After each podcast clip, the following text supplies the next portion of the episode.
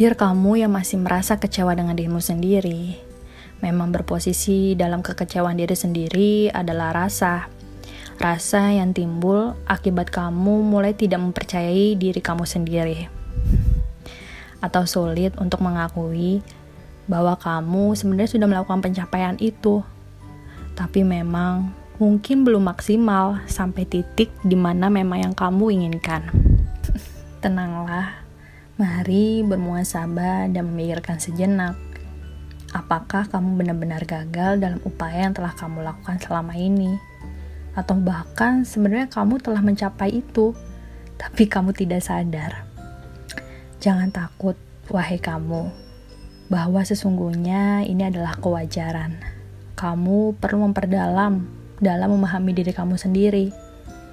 Karena yang tahu dan sangat mengerti diri kamu adalah diri kamu sendiri, bukan orang lain. Sekeras apa pun kamu melakukan di luar batas kemampuanmu, maka akan ada terus loh posisi dalam kekacauan dirimu sendiri.